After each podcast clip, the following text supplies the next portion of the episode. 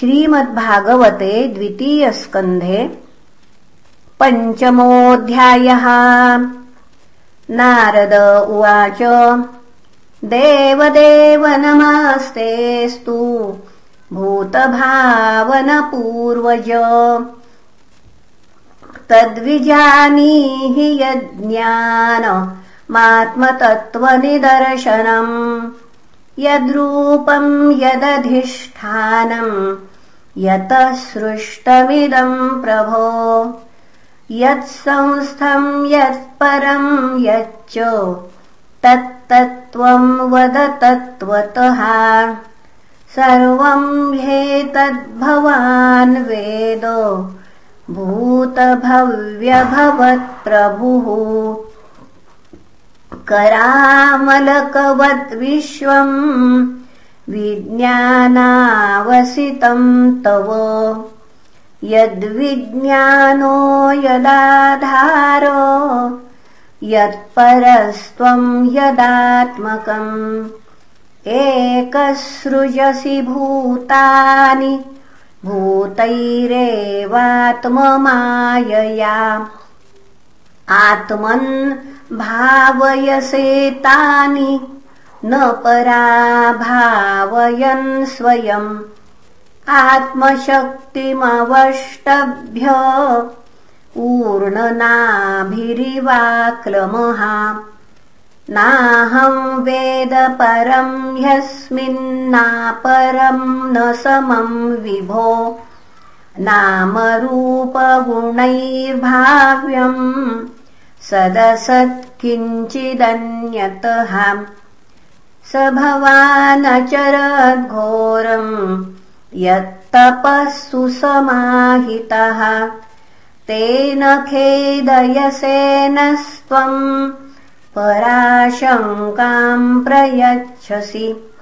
एतन्मे पृच्छतः सर्वम् सर्वज्ञसकलेश्वर विजानीहि यथैवेदमहम् बुद्ध्येऽनुशासितः ब्रह्मोवाच सम्यक् कारुणिकस्येदम् वत्सते विचिकित्सितम्। यदहम् चोदितः सौम्य भगवद्वीर्यदर्शने नानृतम् तव तच्चापि यथा माम् प्रब्रवीषि भोः। अविज्ञाय परम् मत्त एतावत्त्वम् यतो हि मे। येन स्वरोचिषा विश्वम् रोचितम् रोचयाम्यहम् यथार्कोऽग्निर्यथा सोमो यथर्क्ष गृहतारकाः तस्मै नमो भगवते वासुदेवाय धीमहि। यन्मायया दुर्जयया माम् ब्रुवन्ति जगद्गुरुम्।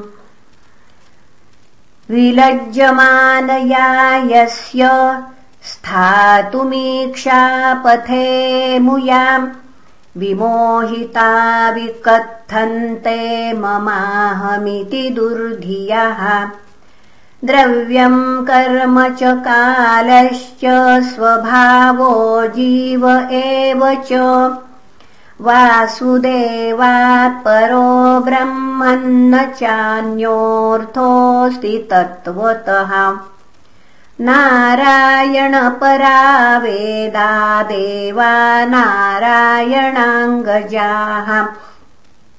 नारायणपरा लोका नारायणपरामखाः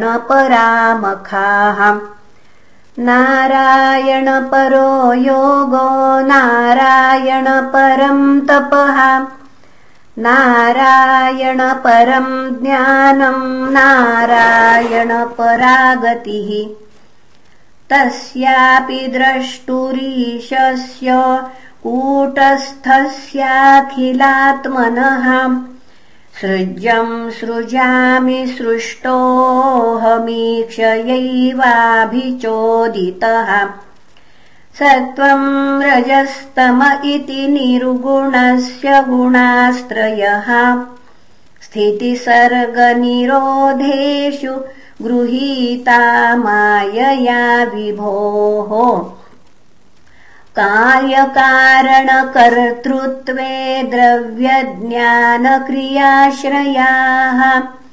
बध्नन्ति नित्यदा मुक्तम् मायिनम् पुरुषम् गुणाः। स एष भगवान् लिङ्गै स्त्रिभिरेभिरधोक्षजः स्खलक्षितगतिर्ब्रह्मन् सर्वेषाम् मम चेश्वरः। कालम् कर्म स्वभावम् च मायेषो मायया स्वया आत्मन् यदृच्छया प्राप्तम् विबुभूर्षुरुपाददे कालाद्गुणव्यतिकरः परिणामस्वभावतः। कर्मणो जन्म महतः पुरुषाधिष्ठितादभूत्। महतस्तु विकुर्वाणाद्रजः सत्त्वोपबृंहितात् तमः प्रधानस्त्वभवत् द्रव्यज्ञानक्रियात्मकः। सोऽहङ्कार इति प्रोक्तो विकुर्वन् समभूत्रिधाम् वैकारिकस्तैजसश्च तामसश्चेति यद्भिदा। द्रव्यशक्तिः क्रियाशक्तिर्ज्ञानशक्तिरिति प्रभो तामसादपि भूतादेर्विकुर्वाणदभून्नभः। तस्य मात्रा गुणशब्दो लिङ्गम् यद्द्रष्टुदृश्ययोः। नभसोऽथ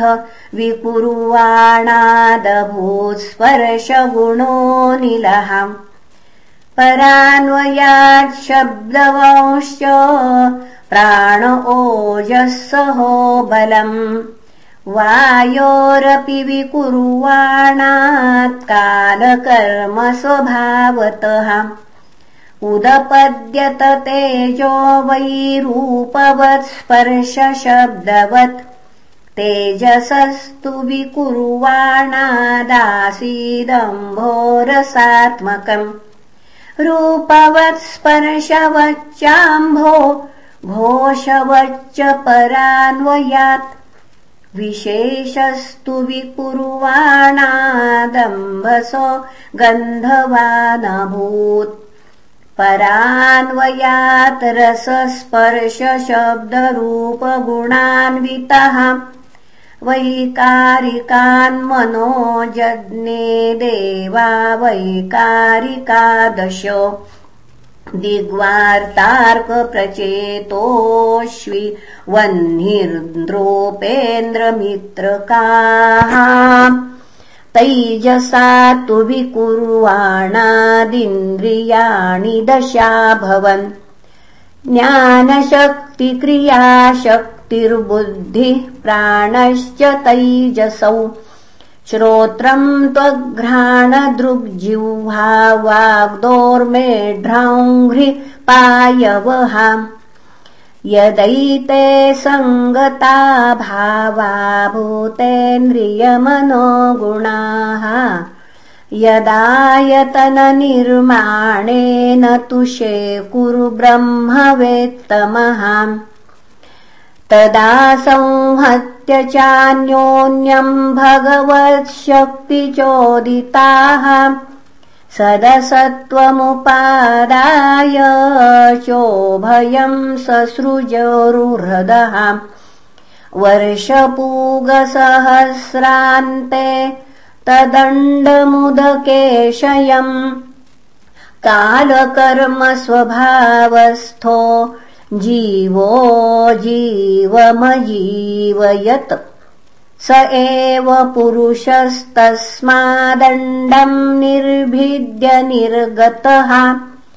सहस्रोर्वङ्घ्रिबाह्वक्ष सहस्राननशीर्षवान्। यस्येहावयवैर्लोकान् कल्पयन्ति मनीषिणः कट्यादिभिरधः सप्त सप्तोर्ध्वम् जगनादिभिः। पुरुषस्य मुखम् ब्रह्म क्षत्रमेतस्य बाहवहाम् उर्वोर्वैश्यो भगवतः पद्भ्याम् शूद्रोऽभ्यजायत। भूर्लोकः कल्पितः पद्भ्याम् भुवर्लोकोऽस्य नाभितः हृदा स्वर्लोक उरसामहरलोको महात्मनः। ग्रीवायाम् जनलोकश्च तपोलोकस्तनद्वयात्। मूर्धभिः सत्यलोकस्तु ब्रह्मलोकः सनातनः तत्कट्याम् चातलम् क्लुप्तमरुभ्याम् वितलम् विभोः। जानूभ्याम् सुतलम् शुद्धम् जङ्घाभ्याम् तु तलातलम् महातलम् तु गुल्फाभ्याम् प्रपदाभ्याम् रसातलम् पातालम् पादतलत इति लोकमयः पुमान्। भूर्लोकः कल्पितः पद्भ्याम् भुवर्लोकस्य नाभितः। स्वर्लोकः कल्पितो मूर्ध्ना इति वा लोककल्पना। इति श्रीमद्भागवते महापुराणे पारमहंस्याम् संहितायाम् द्वितीयस्कन्धे पञ्चमोऽध्यायः श्रीकृष्णार्पणमस्तु। हरये नमः हरये नमः हरये नमः